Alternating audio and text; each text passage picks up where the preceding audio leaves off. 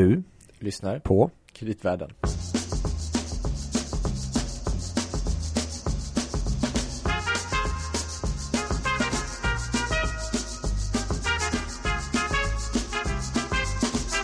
Glad höst Louis. Detsamma Gabriel. Mm. Härligt att se dig igen. Mm. Detsamma. Det är fantastiskt. Och eh, jag vet inte, jag känner mig extremt utvilad. Vad skönt. Efter sommaren. Hur känner du? Ja, ganska utvilad. Ja. Eller är det, för, är det så att den här extremt höga emissionsaktiviteten på svenska kreditmarknaden ja, får dig att liksom... Den är tröttsam. Nej, den är ganska uppiggande tycker jag. Ja. Vi noterade att företagsvolymerna i Sverige på obligationsmarknaden har fördubblats under första halvan i år. Jämfört med förra året? Ja, mm. 100 miljarder har Precis. getts ut från företag. Mm. Just det. Så det ser ut att det skulle kunna bli ett nytt rekord? Det kan bli ett ja. nytt rekordår. När vi senast... går in i andra halvan av kreditåret 2017. Just det. Bra. Och en spännande höst för Kreditvärden-podden. Mm. Tror du inte det? Som alltid. Ja. Eh, ja, det är inte minst spännande idag. Mm. Mm. Men vi har även annat på lut. Det har vi. Ja, sedvanligt eh, transparenta. Ja, vi, vi håller korten tätt. Mm, ja, men vi är ju helt enkelt vana vid... Eh... Men det blir lite, det blir lite blandade, blandade teman som vanligt. Mm. Eh, och innan vi går in på dagens ämne. Mm. Eller vill du ge någon teaser? Nej. Vi, vi väntar med det. Okej. Okay. Mm. Eh, så vi har ju faktiskt för två avsnitt sen. Mm. Eh, så, det, vilket var ett väldigt roligt avsnitt. Och med Bo Lundgren. in och, mm. mm. med Bo Lundgren, ja, precis. 90-talskrisen. Det ska så. man lyssna på om man inte har lyssnat på det tidigare, det ska man göra. vi. Ja. Det är på väg att bli vårt mest populära avsnitt. Eh, och, men där i slutet så utlovade vi en liten tävling. Precis. Mm. Vi, lovade att lova, äh, lo, vi lovade att lotta ut en bok. Ja. Eh, till någon av våra kära lyssnare. Inte mindre än Bo Lundgrens bok När Precis. bubblan brast. Just det. Mm. Den är väldigt bra kan jag säga. Mm. Vad kul då för... Mm. Ska vi ta en liten fanfar? Ja. Kan vi göra. Då, okay. Vad kul då för...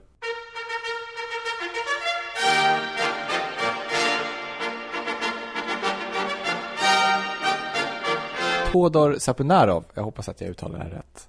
Grattis Todor! Grattis! Vad roligt! Ja. Hoppas du gillar boken. Mm. Han är, som man säger själv, väldigt intresserad av finanskriser och i synnerhet 90-talskrisen. Så det passar väldigt känns utmärkt. det som att det borde passa bra. Mm. Den kommer snart i en brevlåda nära dig. Mm.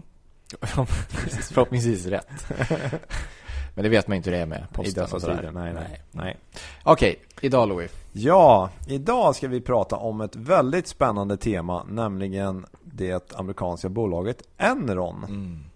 Eller Enteron som de höll på att heta. Ja, de höll på att heta det först faktiskt. Mm. Vi återkommer till det. Mm. Men uh, då kan man ju fråga sig till att börja med, vad är det här för bolag? Och det tänkte vi ju berätta om. Just det. Välkomna till podden. Men varför ska vi prata om det? Ja. Och saken är den att det här är då eh, en av de största företagskonkurserna någonsin i USA. Mm. Så det är ju intressant eh, av den anledningen. Men sen är det också så att vi, det kommer att visa sig att det var ju en del redovisningsproblematik, eh, om vi uttrycker det så, i det här bolaget. Och vi tänker att det här med redovisning, vi har pratat om det förut, att det är ju eh, någonting väldigt viktigt. Och det kanske låter tråkigt, men vi tycker att det här är ju faktiskt väldigt, väldigt spännande. Och vi tror att om man lyssnar på de här, det är två avsnitt ska vi ha om Enron, eh, så kommer man att tänka att det här med redovisningen är ganska spännande faktiskt. Mm, exakt. Så om ni inte redan har fått den känslan av våra tidigare avsnitt, mm. det här är Precis, mm. och vi har också tänkt senare under hösten hoppas vi ha med några riktiga redovisningsexperter och prata mer om det här temat. Redovisningsrävar. Precis, ja. det kan man säga. Två stycken ja. eventuellt. Ja. Eh, och, eh, så att det här kan ju vara liksom som en inledning lite grann på det temat, mm. tänker vi. Mm. Men eh, vad säger du Gabriel? Mm. Ska, vi, vi eh, ska vi börja från början eller? vi brukar ju göra det. Ja, det tycker jag är ett väldigt bra ställe att börja på början. Mm. Mm. Men hur tidigt ska du gå tillbaka? Jag tänker så här. Vi går tillbaka till eh, början på säga, slutet av 70-talet. Okay. Ja. Och uh, den här historien kommer till stora delar att utspela sig i Houston, Texas. Mm. Det kommer ju många kända personer ifrån. Mm. Och Bush. inte för att det är väldigt det som har hemskt nyligen Bush. där. Det är väldigt Nej, exakt. Den är ju väldigt aktuell nu av mm. andra orsaker, precis. Mm. Men i alla fall, eh, och eh, Texas och Houston är väl mest känd som en sorts oljecentrum. Mm. Eh, och det var ju det som la grunden för välståndet där. Och eh, liksom fortfarande är, är väldigt centralt. Eh, men vad gäller eh, bolaget Enron så ska det visa sig att det är snarare naturgasmarknaden som är grunden för det som skulle liksom komma att bli det här bolaget. Som från början var rätt tråkig va? Ja, och den var ju liksom i, lite i skymundan av att det fanns ju, eller finns mycket naturgas i USA. Men uh, man såg väl inte riktigt vad man skulle ha den till och den såldes väldigt billigt. Uh, och var väldigt reglerad så att det fanns väl liksom inte någonting mycket, inte, inte, intressant att transportera naturgas. Till hushåll mest väl? Eller så? ja, även industrier och okay. så tror jag det var. Mm. Um, så att det var väldigt liksom en, en bransch som ansågs väldigt sömnig och, och tråkig. Eh, och, eh, och de här bolagen som höll på med det, de var egentligen främst transportbolag. För de köpte råvaran från oljebolagen och sen sålde de vidare. Men till reglerade priser. Just det. Ja.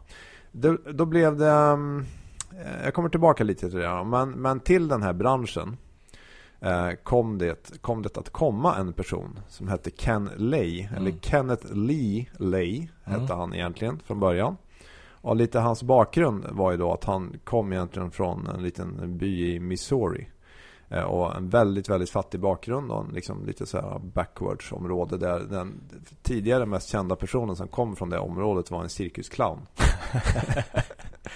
ja. Innan Ken Lay då, för han skulle ju komma att bli väldigt känd. Just det. En mm. företagsclown företag. Precis. Eh, son till en präst även då. Och han hade ju något av en religiös tro på avreglering. Mm. Och det, hans story är väl så här lite den klassiska då att man jobbar sig upp eh, och eh, ja, utbildar sig och så vidare. Han verkar väl också ha en väldigt bra social förmåga som var väldigt populär. Eh, men hans tro var väl någonstans att marknaderna kunde förbättra världen och samtidigt så kunde man tjäna mycket pengar på det här.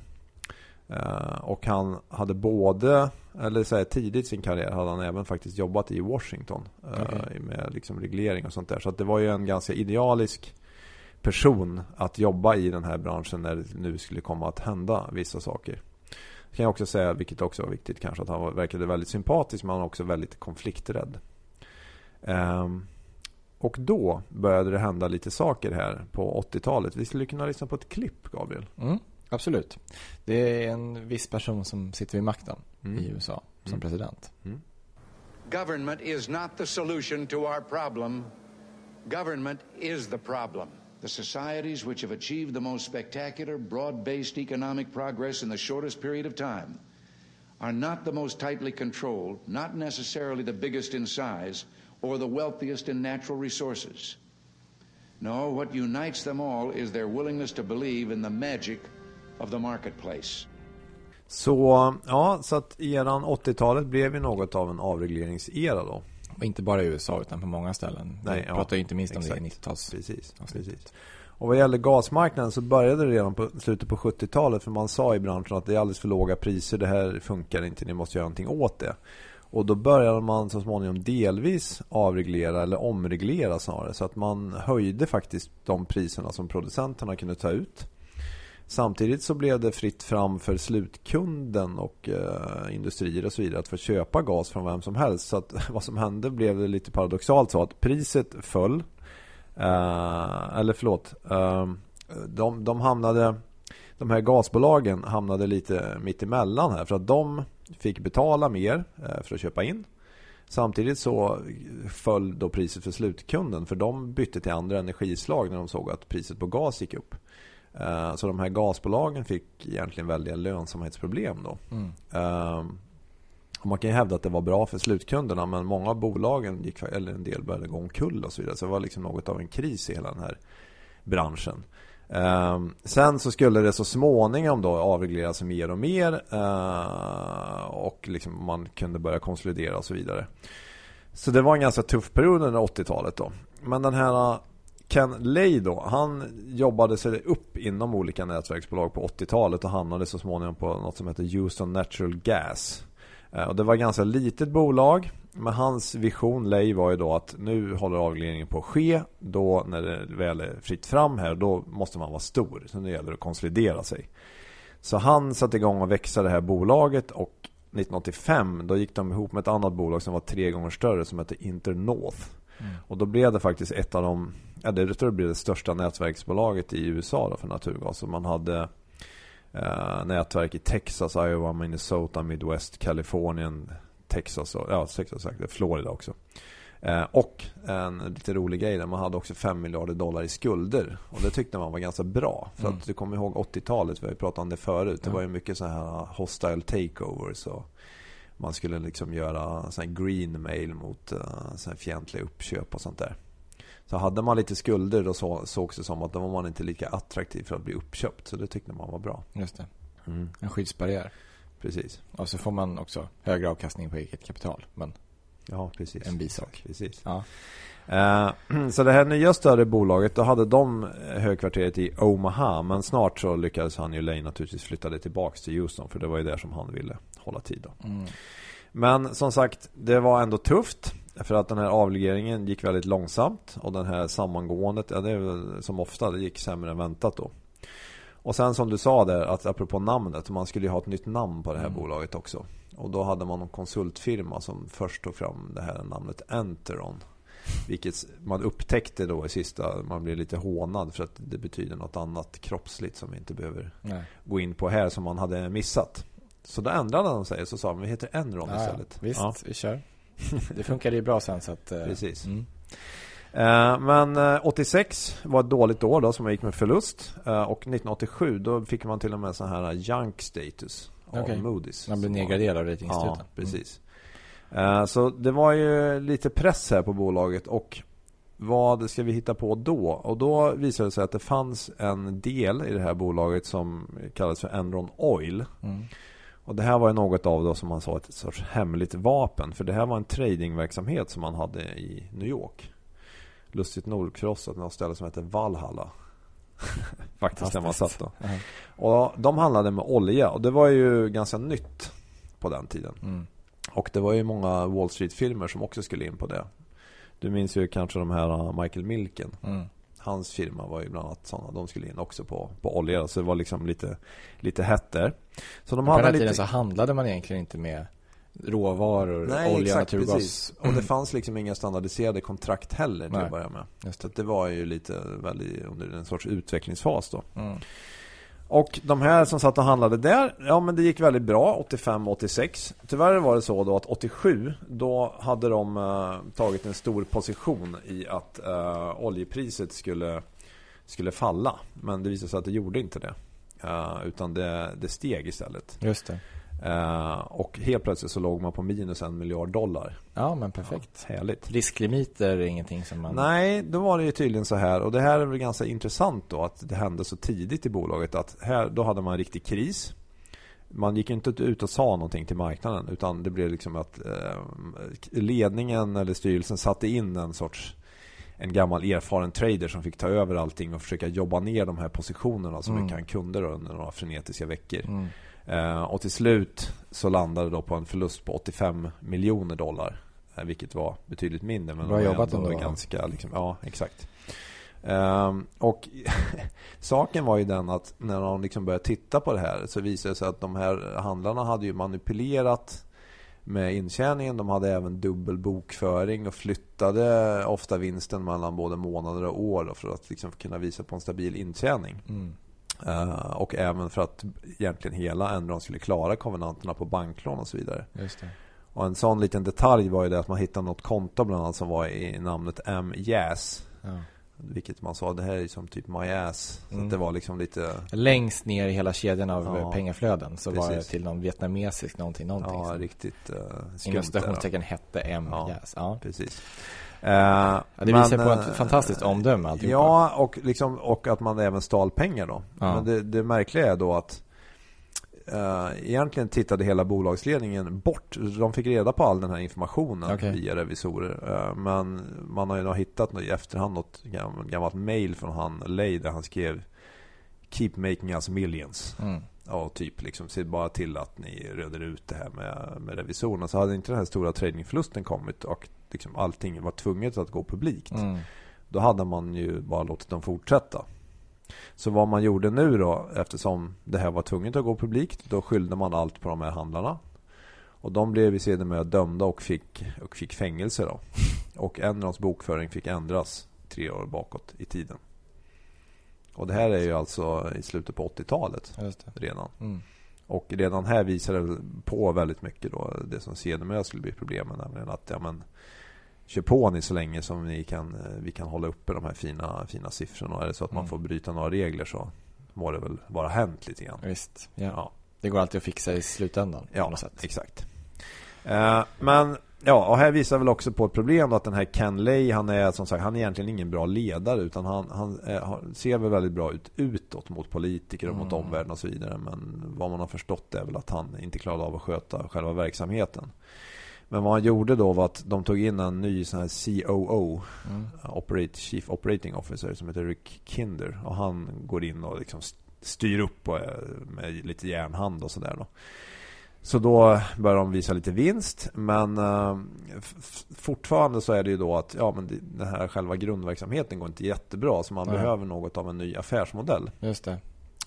Och då kommer den här uh, fina personen som heter Jeff Skilling mm. in på banan. Och vem är det då? Jo, han är en person som har uh, lite brokig bakgrund. Men så småningom hamnar han på Harvard. Där han passar väldigt bra. Han får toppbetyg.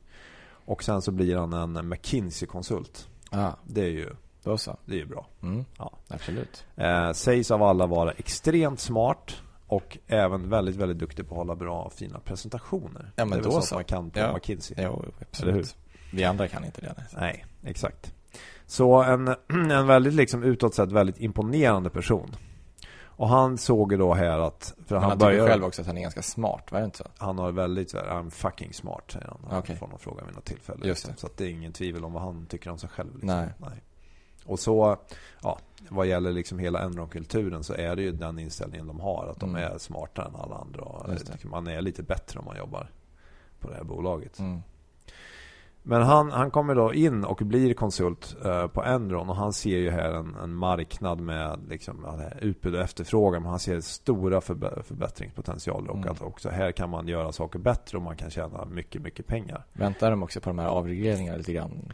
Som ska komma? Ja, men exakt, precis. Uh, men jag tänkte, vi kommer in på den. Vi ser mm. vi lyssnar på, det finns ett klipp om honom. Där vi kan, får höra lite grann om ja. hur, han, hur han är. Mm, en fantastisk förebild. Mm. Jeff Skilling. From a distance, Jeff Skilling seemed like the perfect CEO for the modern age. You know, hip, brilliant, captivating, brave, edgy, all these things that every executive wanted to be. He had a little bit of that wild man, macho flavor to him, even though he was also clearly an intellectual. People were fascinated by him. This site is a, is a unique site in the UK wonderful site for building a power facility. Skilling's strategy was that owning assets like Enron's gas pipelines was old fashioned. The real money was in trading and finding new things to trade in, from broadband to weather forecasts. Everybody wanted to be like Enron. They were aggressive, they were pioneers, they were changing markets, they were everything you were supposed to be. Ja, vad säger du Gabriel? Verkar han inte, verkar han inte bra? Absolut. Superkreativ, snygg. Han gick ner i vikt också tror jag i början där. Ja. Okay. Ja, ja, han hade några glasögon med att ta med sig. Jag tror han liksom stylade om sig lite. Mm. Ja, men de skulle in på Wall Street. Så Ja, nej, men precis.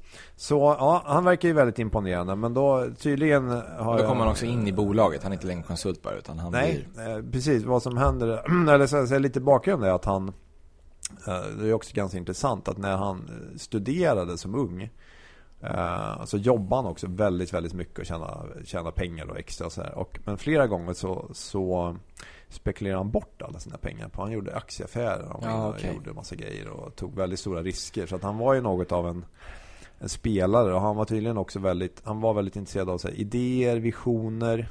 Inte så mycket, inte så mycket av att Nej. genomföra saker. Nej, Utan han tyckte det. att det viktigaste var, och det här är också tror jag ganska viktigt kommer att visa sig sen, att det var liksom den som kunde komma på den här fina idén. Det var den som skulle premieras. Mm. Men att genomföra det, det var egentligen bara ganska tråkigt. Fair enough. Ja. Men då tyckte han också att om han och därmed också Enron kom på fina idéer, då skulle Enron bli vinnaren. Och det ska Exakt. de se till. Det var liksom hans eh, idé. Och då hade mm. han då som konsult mm. på McKinsey tagit fram en sorts vision här för branschen. Och det var att gasbranschen skulle bli mer som den finansiella sektorn. Mm. Han hade en vision, han kallade den för Gas Bank. All right. Skulle bli en sorts mellanhand här då. Så att då var vi i slutet på 80-talet och då hade den ju avreglerats marknaden och en stor del av gasen då såldes på en, man kan säga en spotmarknad. Och det här var egentligen inte så bra då både för, eller varken för producenter eller kunderna då för att eh, ja, priserna tenderade att fluktuera väldigt mycket och all, det blev väldigt jobbigt. Man kunde aldrig egentligen göra några långa planeringar. Så, så att hans Skillings idé var väldigt enkel då. Att Enron, vi blir en mellanhand eh, mellan producent och konsument och så kan vi ta mellanskillnad. Och om man då har en balanserad portfölj då är det ju fortfarande låg risk. Så att säga. Man köper in och säljer ungefär likadant. Mm. Men problemet först det var att producenterna var lite skeptiska och de ville inte riktigt sälja. Så då blev för att Enron skulle kunna liksom sälja gas till kunderna då var man tvungen att köpa det här själva på spotmarknaden. Det skapar en väldigt stor risk då. Eh, så att det funkade inte riktigt. Skilling kom då in på Enron. Mm. För han sa att ja, de, de ville ha honom. Och han såg det här som sin möjlighet. Att jag måste försöka genomföra min vision då. Och då började han först med att, vilket var rätt smart då, han gav producenterna betalt på en gång för mm. gasen. Så att istället för att de skulle få betalt över tiden på kontrakten så fick de liksom cash up front. Okay. Och då tyckte ju producenterna det här är ju jättebra. Så då sålde de och bankerna de hade inte så mycket pengar vid den här tiden så de kunde inte låna ut. Och då fick han igång den här marknaden. Uh, och sen när den hade kommit igång då kom man ju på att man skulle ju faktiskt kunna handla i de här kontrakten. Mm. Uh, för att då finns det här löften om att köpa och sälja gas i framtiden. Uh, så man skapade ju en, en sorts derivatmarknad då egentligen. vilket också då var det här är en komplicerad marknad och vem satt nu på mest kunskap om all, alla som ville köpa? det fanns ingen annan som, som gjorde det här? Utan det var Inte då. Nej. Så de var liksom först här och, mm. och liksom det var en lite revolutionerande idé. Mm.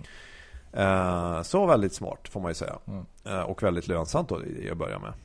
Men sen eh, då när han kom in, då hade han också ett krav för att han skulle börja jobba på Enron. Och det var att om jag ska jobba här, då ska vi ha en ny redovisning.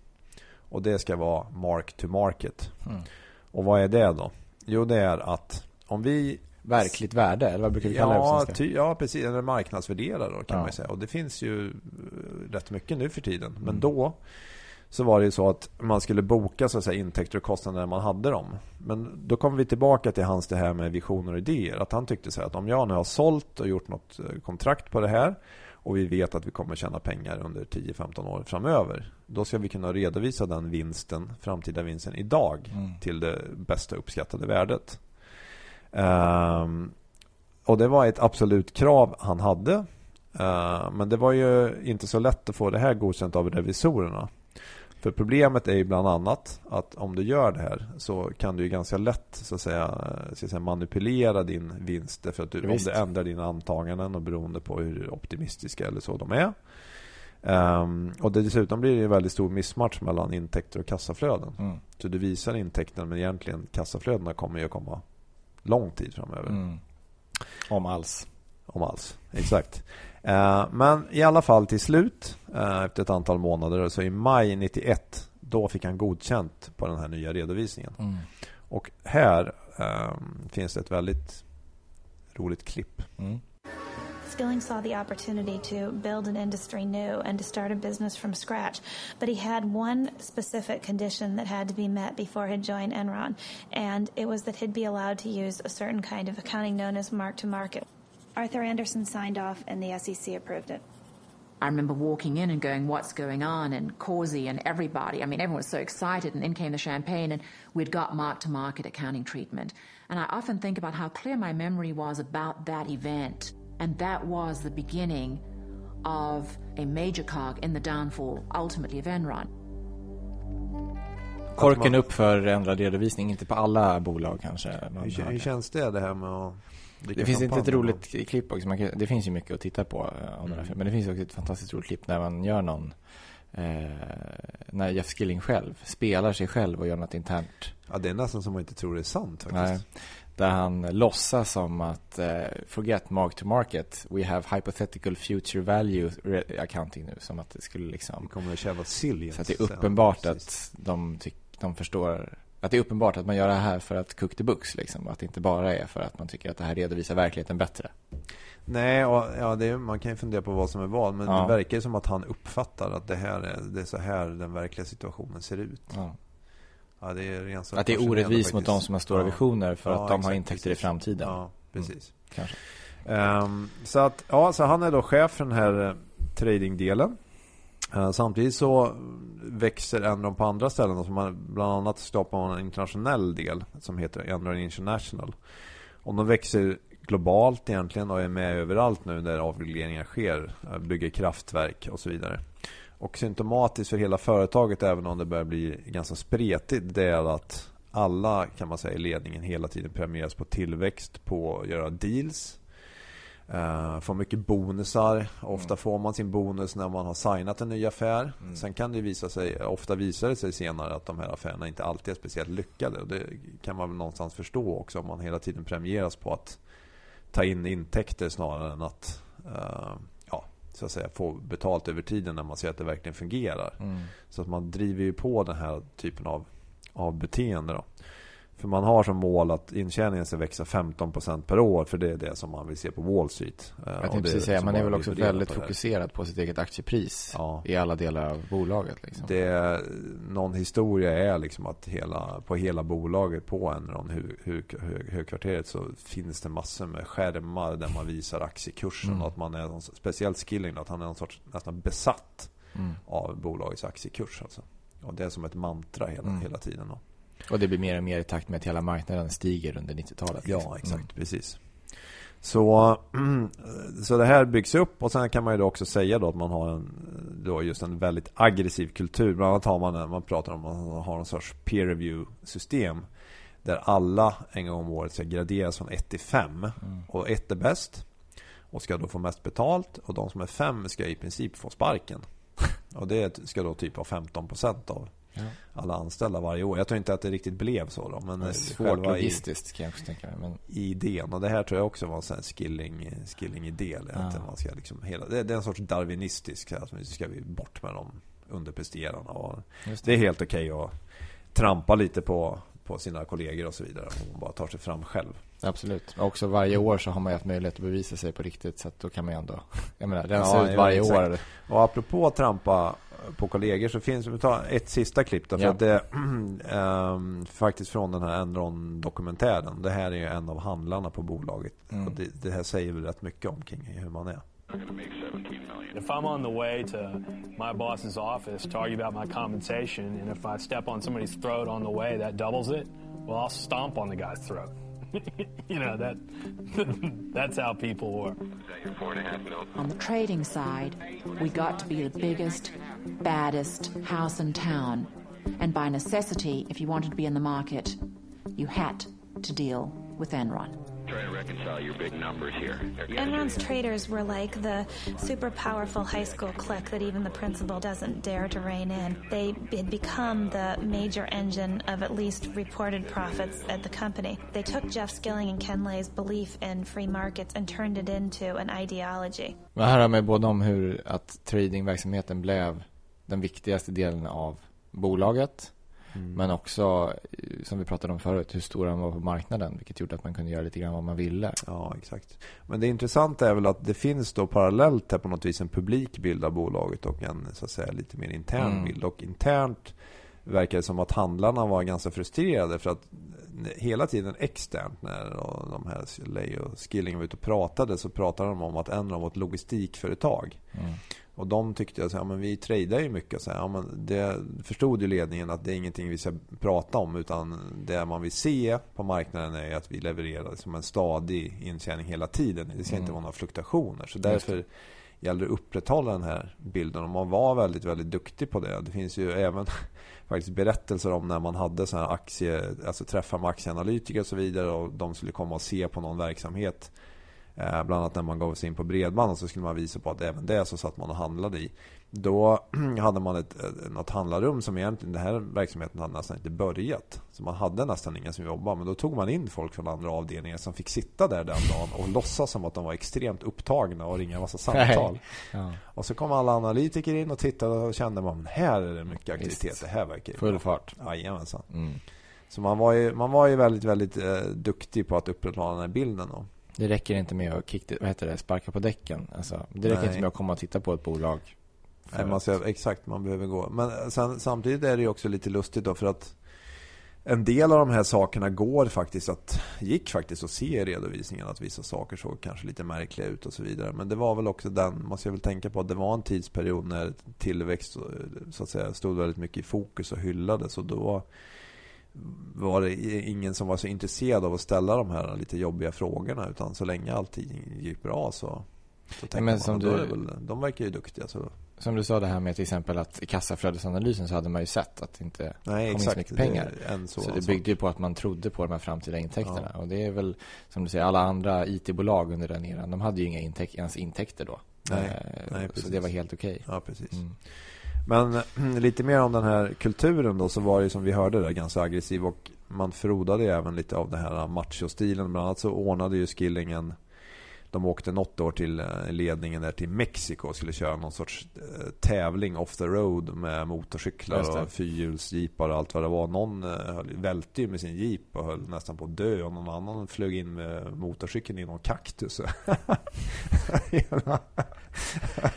Men det är fine. Klarar man inte av det, då ska man ändå sorteras ut. Ja, jo, precis, mm. exakt. Kanske rankade varandra på motorcykelåkning också. Ja, men jag tror att det var lite så. Mm. men som sagt, ja, men internt också då så är det, det är så att säga ganska spretigt och det är mycket Uh, man kan säga mycket konflikter mellan olika affärschefer eftersom egentligen ingen riktigt uh, styr upp i toppen då.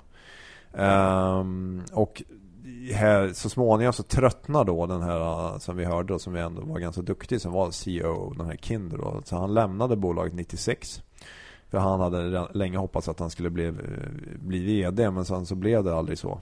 Så då eh, slutade han och när han slutade så lyckades då Skilling bli ny COO och det här var väl egentligen inte, inte sådär jättelyckat. Men jag tänkte så här i det här avsnittet skulle vi kanske kunna nästan lämna Enron så här lite mm. i den här positiva tillväxtmoden. Uh, 99 men, säger väl någonting att aktiekursen ska dubblas under kommande ja, året. Ja, men exakt. Det fortfarande går uppåt här. Fantastiskt. Um, jag tänkte en sak. Ja. Um, det var ju så här att vi pratade en del om redovisningen. Och mm. De hade ju Arthur Anderson som revisionsbolag. Ja. Och det ska ju visa sig sen att de får mycket kritik såklart berättigat att de har signat Det var de som måste ha godkänt den ja, market Exakt, mm. och det var ju en, ett av de största revisionsbolagen i, i, då, på den tiden. Uh, det ska ju sedermera bli en, bli en rättegång och det intressanta är att i den rättegången så plockar man upp en text som en revisor på Arthur Anderson på deras Houston-kontor har skrivit. Uh, och det här är ju lite nästan på komiskt men man, men jag tänker på så det, det är en liten skämttext och det handlar om hur det är att jobba på Enron som revisor. Mm. Och det intressanta med den och varför man tog upp den som bevisning är att han, nu jobbade inte han åt Enron själv men han såg väl hur det gick till och det, han skrev den redan 1995. Ja. Och då, då ville man ju visa den här rättegången att ja, men, uppenbarligen kände ju folk till att det, det var något fel här. Ja. Uh, så han blev faktiskt inkallad till förhör. Den här personen heter James Hacker.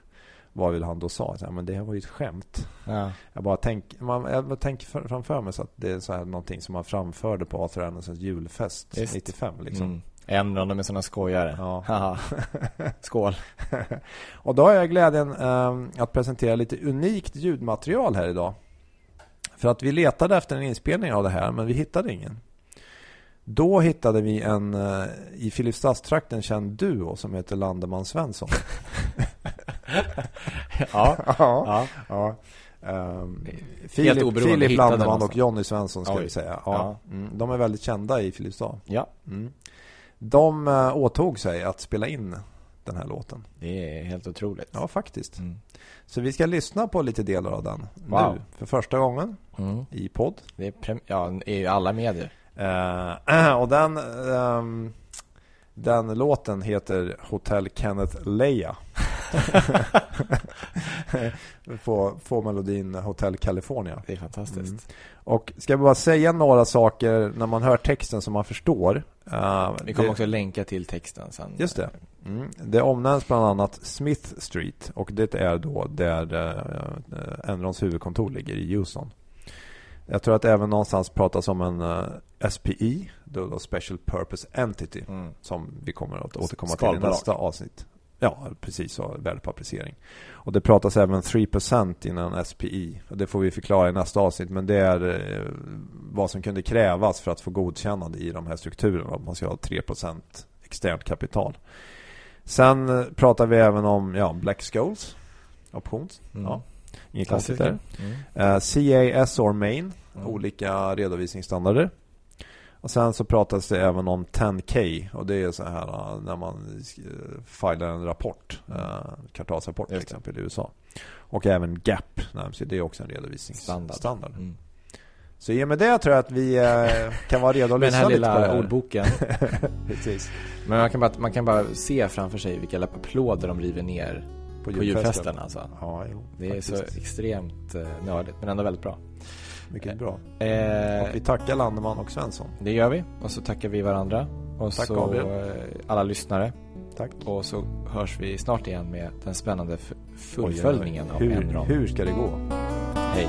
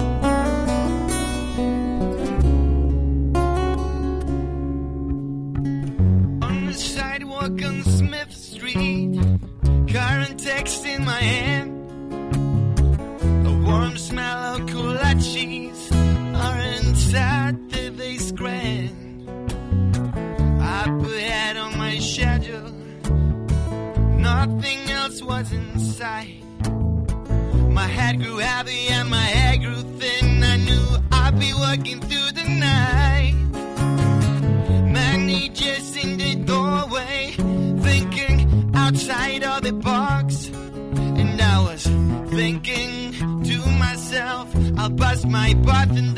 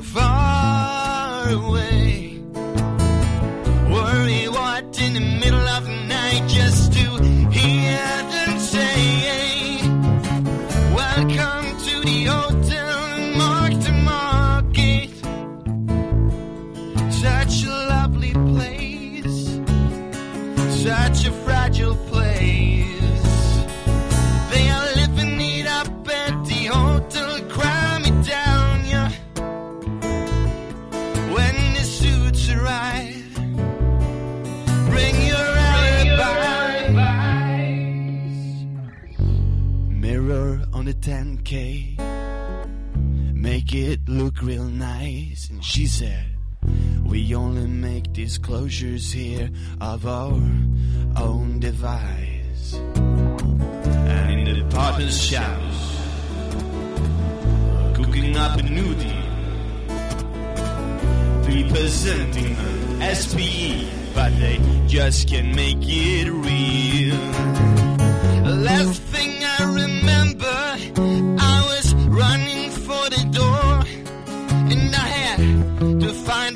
entries back to the gap that we had before. Relax, Eddie, client, we are programmed to succeed. You can nod it anytime you